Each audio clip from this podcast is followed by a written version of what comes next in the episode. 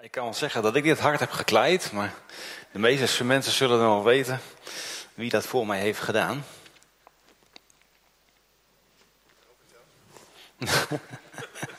dat is natuurlijk Anja.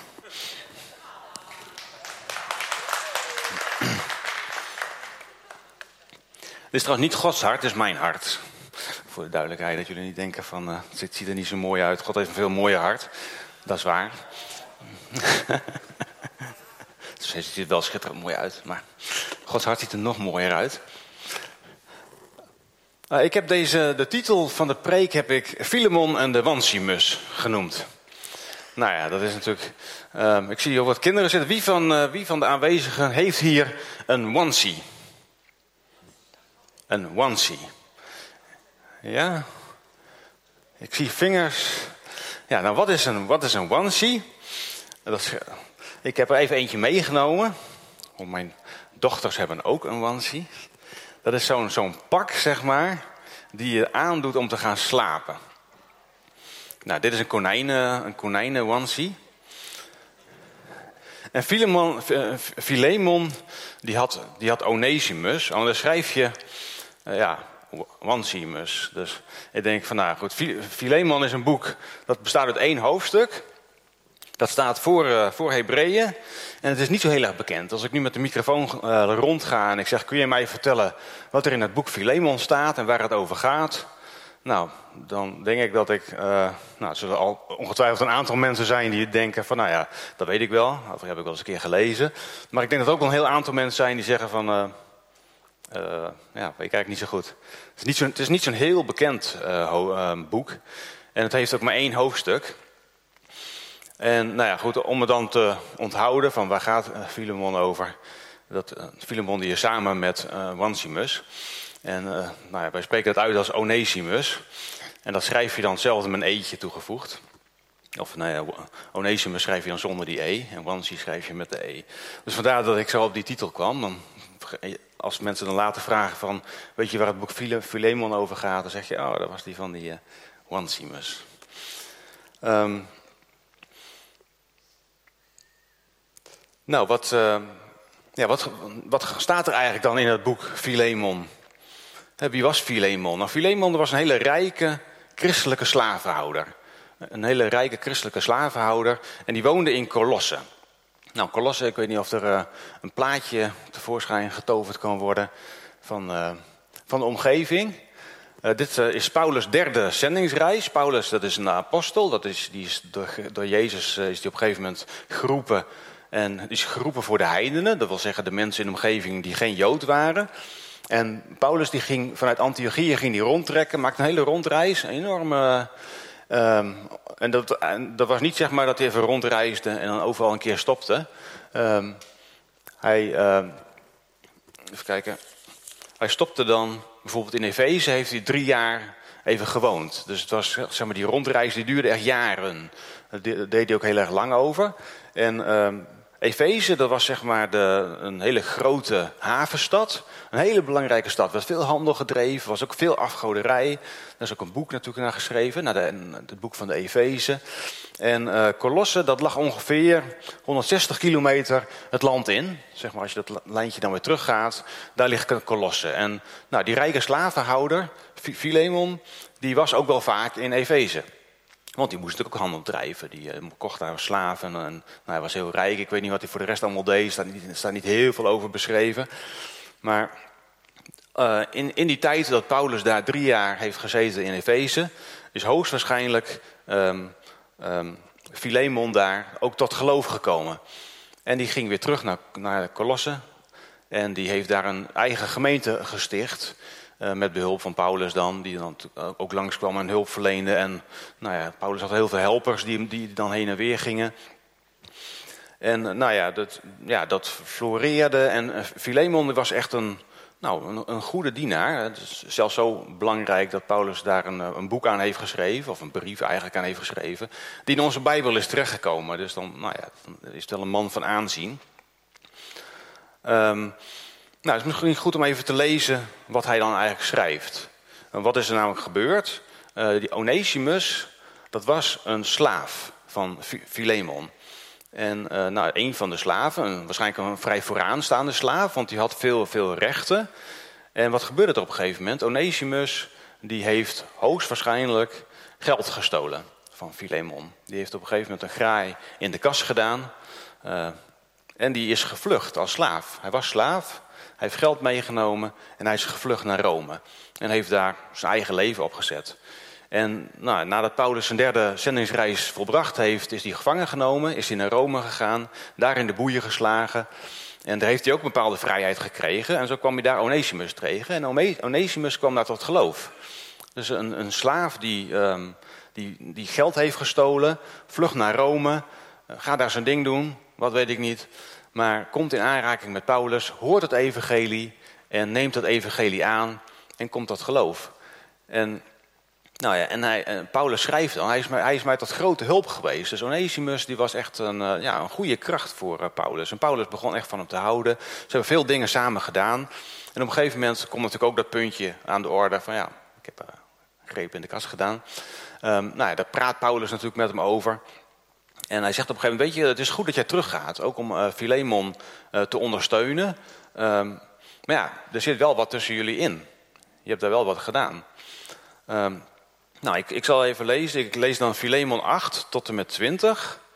Uh, daarin zegt Paulus, daarom, het voorgaande stuk, hoewel ik in Christus grote vrijmoedigheid heb, vrijmoedigheid heb om u te bevelen wat u behoort te doen, spoor ik u veel liever aan door de liefde. Dat is Paulus, die heeft natuurlijk een bepaald gezag. Dus ik kan u eigenlijk best wel vertellen wat u moet doen, maar ik, ja, ik zeg liever van, nou doe dat nou, hè, door de liefde. Omdat ik, Paulus, een oud man ben. Inmiddels was hij best wel op leeftijd. De brief is ongeveer in het jaar 60 geschreven. Um, en nu ook een gevangene van Jezus Christus ben. Ik doe een beroep op u ten behoeve van mijn zoon. Die ik heb voortgebracht, niet natuurlijk natuurlijk, um, toen ik in de boeien geslagen was, namelijk Onesimus. Hij noemt hem mijn zoon.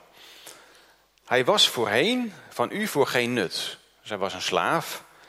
Um, maar nu is hij voor u en voor mij van veel nut. Ik heb hem teruggestuurd. Dus ik heb, nou, Paulus stuurt hem weer terug naar Filemon.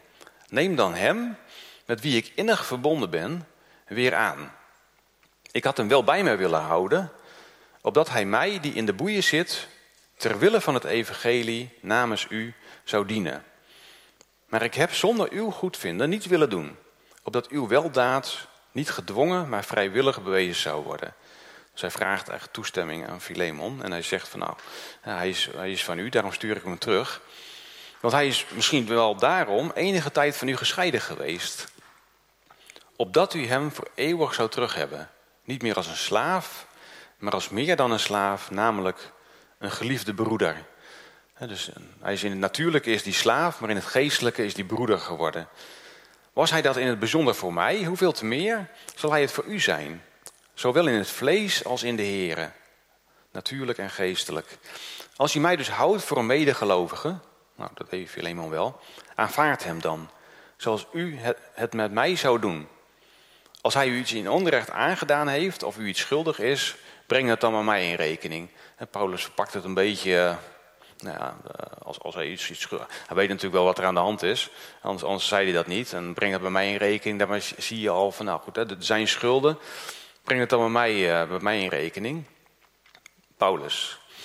Ik, Paulus, ik heb het eigenhandig geschreven. Ik zal betalen. Dus ik, alles wat Onesimus van jou gestolen heeft, zal ik jou terugbetalen. Om niet te zeggen dat u ook u zelf aan mij schuldig bent. Ja, broeder, laat mij dit voordeel van u hebben in de Heer. Verkwik mij innerlijk in de Heer. Dus eigenlijk zegt Paulus van, nou ja, goed, hij heeft wel schulden, dat kun je eventueel bij mij in rekening brengen, maar je bent me eigenlijk ook wel wat schuldig. dus nou ja, dat is eh, eigenlijk het, mooie van Christus zijn. Hij zegt eigenlijk van, nou scheld het hem vrij. En uh, nou ja, als je het heel graag terug wil hebben, kun je het bij mij in rekening brengen, maar ja, je mag het, je mag het ook vrij uh, schelden. Nou, het boek Philemon, uh, zeg maar als een, als een mens terug wordt gestuurd naar een ander mens, uh, is eigenlijk een beetje vergelijkbaar met het verhaal van Lucas, van de verloren zoon. En uh, Lucas met de verloren zoon is natuurlijk hè, die iemand, de, de zoon, die, nou ja, die, die vraagt het erfdeel van zijn vader, gaat weg, um, ja, heeft het heel slecht, denkt op een gegeven moment terug aan zijn vader, gaat terug. En eigenlijk in het boek van Lucas zie je eigenlijk een bepaald patroon. En dat patroon, dat, uh, nou, dat, dat merk ik, dat wordt wel eens een keer op mensen geprojecteerd. Maar dat is niet de juiste, dat is niet de juiste volgorde. Het boek van Lucas is namelijk zo de zoon en de vader. Daar is een afspiegeling van God de Vader en ons, ons leven. Nou, wij zijn ook vaak, uh, ja, wij doen vaak verkeerde dingen. Dus wij gaan vaak bij God weg. En dan komen we tot inkeer. Hè, op een gegeven moment zitten we dus bij de varkens denken we, de varkens hebben beter te eten dan wij. En we beginnen terug verlangen naar de Vader. Nou, hoe vaak is dat niet ons leven? Dat we uh, bij God vandaan gaan, in zonde leven en op een gegeven moment terug verlangen naar de Vader. Maar we weten niet precies hoe, want ja, we hebben best wel zoveel gedaan. En dan gaat hij terug en dan bedenkt hij natuurlijk van tevoren, nou, dan bekeert hij zich. Dan bedenkt hij van tevoren van, ja, oké, ik heb van alles fout gedaan en dan uh, nou ja, dan moet ik dus naar mijn vader toe en hij heeft een heel, uh, nou ja, neem maar weer aan. En uh, ja, de dagloners die hebben het toch beter dan u en ik heb u kwaad gedaan. En nou ja, dan zie je natuurlijk, God die weet dat, die kent zijn hart, dus dat, die komt hem al tegemoet. Um, maar dat patroon, zeg maar, van dat, dat we tegen elkaar zondigen, dat we weggaan, dat we tot bekering komen, dat we vergeving vragen en dat we dan weer worden aangenomen, dat is iets tussen God en ons. Wij gaan bij God weg. Uh, wij zondigen, wij, komen, wij worden bewust van onze zonde. We gaan op een gegeven moment, als wij in de penerie zitten, of als we het slecht hebben, want vaak als we het goed hebben, dan denk je er niet aan. Als, we, als, als er iets gebeurt in ons leven, dan denken we terug aan uh, nou ja, hoe goed het eigenlijk was bij God. Dan denken we terug aan uh, ja, hoe mooi het is om bij God te zijn. En dan willen we terug en dan, dan, is daar uh, berouw. Je krijgt berouw over je zonde en je gaat naar God toe en je zegt van wilt u mij weer aannemen als mijn kind? En natuurlijk doet God dat. Die staat met ogen, open armen, het verhaal van Lucas. Nou, bij Filemon is de menselijke variant. Filemon was een christen, en, of is christen geworden eigenlijk in die tijd heeft een eigen gemeente gericht. En Onesimus was geen christen, dat was zijn slaaf. Die gaat op een gegeven moment vluchten, maar die komt in Rome tot bekering bij, uh, bij Paulus. En hoewel hij dan slaaf is, is hij natuurlijk in het natuurlijke zit er dan wel verschil. Maar in het geestelijke zie je dat ze gelijk aan elkaar zijn. Paulus noemt uh, Onesimus zijn broer.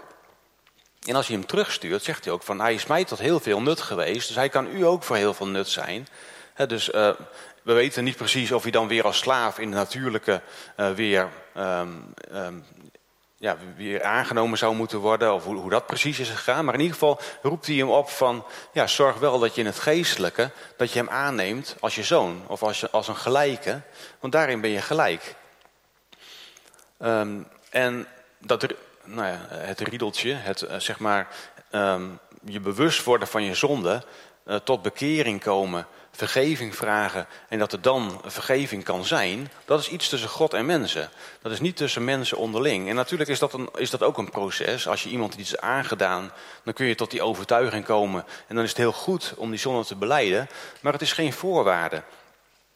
En ik heb daar, uh, nou, ik heb daar ook een, aantal bijbelteksten van uh, opgezocht. Uh, nou ja, als eerste Matthäus 6, vers 14 en 15. Nou, dat is, eigenlijk is het stukje wat ervoor staat, daar zie je het onze vader genoemd. Waarbij we dan zeggen van vergeef ons onze schulden, gelijk ook u vergeeft uh, wat wij u schuldig zijn. En dan staat in Matthäus vers 14 tot 15. Want als u de mensen, hè, dus als wij andere mensen hun overtredingen... Uh, nee, want als u de mensen hun overtredingen vergeeft, dan zal uw hemelse vader ook u vergeven. Maar als u de mensen hun overtredingen niet vergeeft, zal uw vader uw overtredingen ook niet vergeven. Nou, dit, dit, lijkt, dit staat best wel een beetje zwart-wit hier. En dit wordt niet zo zwart-wit bedoeld. Ik heb het wel een keer als lering gehoord in een andere gemeente, waarin echt zei van, nou waarin iemand, een voorganger zei van, nou ja, er is één, er is één voorwaarde. Als je dat niet doet, dan kan God je zonde niet vergeven. Nou, Gods liefde is onvoorwaardelijk. Gods liefde um, dit wordt, dit wordt meer uitgebeeld van, goed, je, je bidt het onze vader, het principe van elkaar vergeven, dat, dat is het principe van Gods hart. Gods hart wil dat je vergeeft, zodat hij jou ook kan vergeven. En het is geen voorwaarde, dat is maar goed ook, want er is, er is ons soms best wel wat aangedaan. En uh, kijk, als uh, Onesimus die heeft een, een graai in de kas gedaan. Ik denk dat, Phile, dat Philemon hem dat wel kon vergeven. Ik denk dat Philemon wel kan zeggen van nou, als Paulus jou terugstuurt, ja, nou ja, uh, doe maar. dat, uh, nou, niet weer doen. En uh, ik denk niet dat hij zweepslagen kreeg of zo. Maar nou ja, hij zal wel even een hartig woordje nog wel even met hem gewisseld hebben. Maar um, ja, dat, dat mag je gewoon, dat mag hij hem gewoon weer vergeven. En er is nog een Bijbeltekst, Matthäus 18, vers 21 en 22. Waarin Petrus eigenlijk aan Jezus vraagt: van nou goed, dit, dit en dit is mij aangedaan. Toen kwam Petrus naar hem toe, naar Jezus toe, en zei: De Heere, hoeveel keer zal mijn broeder tegen mij zondigen en zal ik hem vergeven? Tot zeven, tot zeven keer toe. Nou, zeven is natuurlijk het getal van de volheid. En dan zegt Jezus nee, tot zevenmaal zeventig keer. Met andere woorden, nou, oneindig hè, wordt daarmee bedoeld. Dus je moet andere mensen vergeven tot 70, uh, nou ja, echt tot in het oneindige. En dat is, dat is, niet, dat is niet zo makkelijk. En als je, maar het, het, zet, het zet je wel vrij. Uh, als je namelijk eh, mensen niet vergeeft, dat doet iets in je eigen leven. En daarmee zeg ik niet dat je gelijk iedereen moet vergeven. En daarmee zeg ik ook niet dat uh, vergeven hetzelfde is als vergeten. Want dat is natuurlijk weer wat anders. Als, um, nou ja, als je op je werk bijvoorbeeld je portemonnee hebt laten liggen en een collega heeft er geld uitgestolen. En je bespreekt dat met een collega en je legt je portemonnee weer neer en die pakt er bijvoorbeeld weer geld uit. Um, dan kun je hem misschien wel vergeven, maar dan zit er wel in je achterhoofd van oké, ja, misschien is het toch niet zo slim om die portemonnee daar neer te leggen. Want nou ja, kennelijk heeft hij daar moeite mee en kan hij daar geld uithalen. Dus dat vergeet je niet. Terwijl je wel kunt zeggen van nou, ik, ik vergeef het je wel. want ik doe ook slechte dingen. Maar ja, ik, ik vergeef jou dat wel. En daarbij kun je dus inderdaad in je achterhoofd houden van nou goed, ik weet wel hoe die persoon in elkaar zit. En als het natuurlijk na verloop van tijd blijkt dat die persoon zijn leven heeft gebeterd, dan kun je er andere dingen bij, uh, dan kun je daar weer wat meer vrij in worden. Maar als je, als je echt ja, onvergevingsgezind bent, als je, als je van nature zoiets hebt van ja, dat, er is mij veel aangedaan. Nou, en er kan je veel aangedaan zijn. Uh, nou, dat kan, door, dat kan in familieverbanden zijn, dat kan door je ouders zijn. Dat kan heel groot zijn. Dat kan echt bij misbruik zijn. Dus dat is absoluut niet makkelijk. Daar wil ik ook absoluut niet makkelijk overheen gaan. Daar kan je heel wat aangedaan zijn. En hier in de gemeente kunnen we elkaar heel wat aandoen. En we doen elkaar heel wat aan. Er worden lelijke dingen gezegd. Er wordt achter onze rug om gepraat. En we maken ons er allemaal schuldig aan en het wordt ook tegen ons gedaan. En dan zegt God, vergeef elkaar. Nou, dat is niet zo makkelijk. Maar als je, als je weet uh, ja, dat er mensen gewoon zijn die, uh, nou, ja, waar iets, er zit iets tussen je in, hè, dat, dat voel je. Um, ja, dan vraagt God toch om, je, om die persoon te vergeven. En dat kan, dat kan best pijn doen, dat kan best wel moeilijk zijn. Dat kan best wel een proces zijn. En als dat heel groot is, als je echt iets is aangedaan in de zin van misbruik, ja, dan is dat niet even makkelijk vergeven. Dan gaat er vaak echt een proces aan vooraf. Maar dan nog steeds is daar die oproep van God, van vergeving is wel een keuze. En dat is geen keuze met van oké, makkelijk, uh, dan streep ik het door en dan is het vergeven. Maar je mag wel in dat proces komen. Nou, hoe moet je er nou mee omgaan dan als je zegt van ja, ik, er is mij echt iets aangedaan en dat is voor mij te groot om te vergeven. Ik wil het wel vergeven, maar ik kan het niet dan vraagt God gewoon, kom in dat proces. Zeg dan gewoon tegen mij van, ja, u weet wat er is gebeurd. Ja, u kent mijn hart, er is mij heel wat aangedaan. Ik wil wel vergeven, maar ik kan het niet. Ik, mijn, hart, mijn hart gaat daarin niet mee. En dan mag je het God gewoon vragen, bij God neerleggen van... Ja, wilt u mijn hart daarin dan uh, week maken? Wilt u me daarin helpen? Want het is niet altijd makkelijk. Daar hebben we elkaar bij nodig.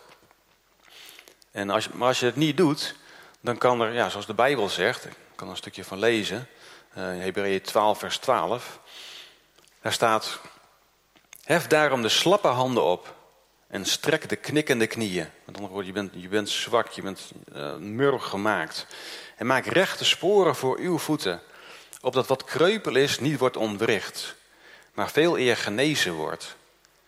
Jaag de vrede na met allen en de heiliging. Dus met andere woorden, dat je probeert wat te doen wat God uh, in zijn woord heeft gezegd, zonder welke niemand de Heer zal zien. Zie erop toe dat niemand achterop raakt. Dus kijk naar elkaar, neem elkaar mee. In de genade van God. Dus niet met het vingertje, maar in de genade van God. dat er geen enkele wortel van bitterheid opschiet en onrust veroorzaakt, zodat daardoor velen bezoedeld worden. Want dat, was wat, dat is wat er gebeurt als je niet vergeeft. Dan komt er een, een, een wortel van bitterheid, noemt men dat hier. En wat moet je daar nou bij voorstellen? Er is, er is, nou, misschien ken je wel iemand in je familie die altijd, ja, die is ook veel aangedaan, die komt er altijd mee, is altijd negatief. En nou, dat geeft dan echt zo'n negatieve vibe. En dan denk je van, ja, als je met haar praat, dan oké, uh, nou, ditjes en datjes, maar we moeten daar niet over hebben, want dan komt dat negatieve weer omhoog. Op een gegeven moment begin je elkaar te ontwijken. die, bitter, die bittere wordt, als je bitter wordt van binnen, dan vergiftigt dat gewoon je leven. Dan, dan, dan op een gegeven moment zie je gewoon niks positiefs meer. En, hoe, en dan zie je van als je dan gaat vergeven, dan kan daar ook weer genezing in komen in je eigen leven. Dan kan die wortel van bitterheid, die, die ook in jouw hart zit, of die misschien bij andere mensen zit, als we daarmee naar God toe gaan, kan God daarin gaan werken. Nou, hoe, hoe werkt dat dan in de praktijk? Vergeving in de praktijk. Hoe kan ik, hoe kan ik dan vergeven wat mij is aangedaan, zoals het liedje, het liedje zegt? Nou, daar kan je, zoals ik al zei, heel wat, heel wat zijn aangedaan. Ik ben zelf vroeger, uh, ik ben uit Noord-Holland uh, verhuisd naar Groningen. Ik was zeven jaar. Mijn vader zat bij de politie. En die um, kon op een gegeven moment niet hoger komen bij de politie, niet hoger op. Hij wou graag uh, rijkscommandant worden, geloof ik. Ik weet niet precies hoe dat allemaal heet. Maar dat kon hij in Noord-Holland. We wonen in Uitgeest, vlakbij uh, Castricum. Kon die, dat kon hij niet worden. En nou ja, toen heeft hij, op een gegeven moment kwam er een vacature en in, in Groningen, in Bedum. En nou ja, wij wonen in Noord-Holland en nou ja, goed, dan heb je niet zomaar eventjes woonruimte. Dus mijn vader is eerst in de kost gegaan bij mensen. En nou ja, toen zijn wij op een gegeven moment, toen een huis had, een huurhuis, zijn wij overgekomen vanuit Noord-Holland en zijn we bij, hen komen wonen. Nou, ik was inmiddels zeven en als je zeven bent, dan kun je al best wel praten. Wij zijn zelf uh, ook in Noord-Holland groot geworden en onze drie kinderen hebben we ook alle drie in Noord-Holland gekregen. En ik weet nog, toen Rowan op de peuterspeelschaal zat, dat de leerkrachten daar zeiden, nou, qua taal kunnen we wat van hem leren. Die heeft echt een mooie, een mooie Hollandse uitspraak, niet een heel erg accent. En uh, nou, inmiddels is mijn accent alweer een klein beetje vergroningst, maar uh, we wonen hier alweer een tijdje. Maar nou ja, we zijn dus, uh, of nou ja, mijn ouders zijn dus, uh, op mijn zevende ben ik hierheen gegaan. En ik, ik praat er best wel Hollands. En uh, uit Geest is ook wel een beetje accent. Hè. Die denken allemaal dat ze ABN spreken, maar niks van dat alles. Als je dat hoort, dan denk je, oké, okay, en lekker, dat zingt allemaal een beetje. En dat, nou, de drijfsessies en nou, dat, zo. Dus dan kom je zeg maar met zo'n accent kom je in Bedem op school. Nou, ik, ik weet niet, nou, ik weet wel dat jullie wel weten hoe kinderen zijn. Als je anders bent als anderen, dan word je gepest. Dan ben je het met, en, wij, en, wij, en ik was anders. Ik praatte anders. Ik was nieuw. Ik kwam in een bestaande groep. Je bent zeven. Dus ik werd gepest op de lagere school. En dat is nou ja, niet in elkaar geslagen of zo. Maar dat is best wel lang door blijven werken. Tot op de middelbare school dat ik op een gegeven moment op vechtsport ging. En voor mezelf het besluit nam van, nou, dit gebeurt me nooit weer. En dat heb ik ook over mezelf uitgesproken. En daarna is dat ook nooit weer gebeurd. Maar nou ja, dat is weer een ander onderwerp. Hè, wat je over jezelf uitspreekt. Dat mag je, later dan ook weer verbreken. Want dat heeft ook weer gevolgen voor je leven. Zo zie je dat... Um, ja, dat de, het, maar ik moest daar, zeg maar, de pesters heb ik ook moeten vergeven. Om zeg maar, daar weer vrij van, van te worden. De, als ik, dan school, als ik naar, van school naar huis toe fietste, dat mijn tas van mijn fiets af werd geschopt. En ja, dat, dat soort dingen gebeuren dan. En dat kan best wel een trauma worden. Dat kan je best wel met je meenemen. En dan kan daar pas vrijheid zijn als je op een gegeven moment... Je hoeft niet per se naar die jongens toe te gaan, maar je kan wel in je hart zeggen... van ja, ik vergeef ze. Wat mij is aangedaan, dat uh, vergeef ik gewoon. Dat God mij ook vergeeft. Nou, zo, ja, zo is iedereen is wel wat aangedaan. En ik heb hier een... Uh, een hart staan. Is inmiddels uh, omgevallen. Maar hij staat weer bijna. Um, nou ja, en dan is het zo dat ons hart, ja, die, daar, is, daar is van alles mee gebeurd. Ik ben vroeger gepest. Nou, dat, dat, dat doet iets met je hart. Er komt een gat in. Je, ik heb in verschillende kerken gezeten waarvan alles is gebeurd. We kunnen elkaar wat aandoen met z'n allen. Er komt een gat in. Mensen zeggen iets over jou wat niet waar is. Waarvan je gewoon weet, het is niet waar. En dat wordt over je gezegd. Je wordt boos, verdrietig en er komt een gat in. Al die dingen die, die in je leven spelen. En iedereen heeft wel wat. Je ouders hebben dingen tegen je gezegd die niet waar waren. Je ouders hebben je misschien met iets opgevoed waar je nu nog steeds last van hebt. Wat doorwerkt in je eigen opvoeding met je kinderen. Zo kan je van alles zijn aangedaan. En dat, dat kan door iemand zijn, maar het kan ook gewoon een gebeurtenis zijn. En het is goed om, om na te denken van ja, wat, wat is me eigenlijk aangedaan? En, um, ja, wat, en kan ik dat vergeven?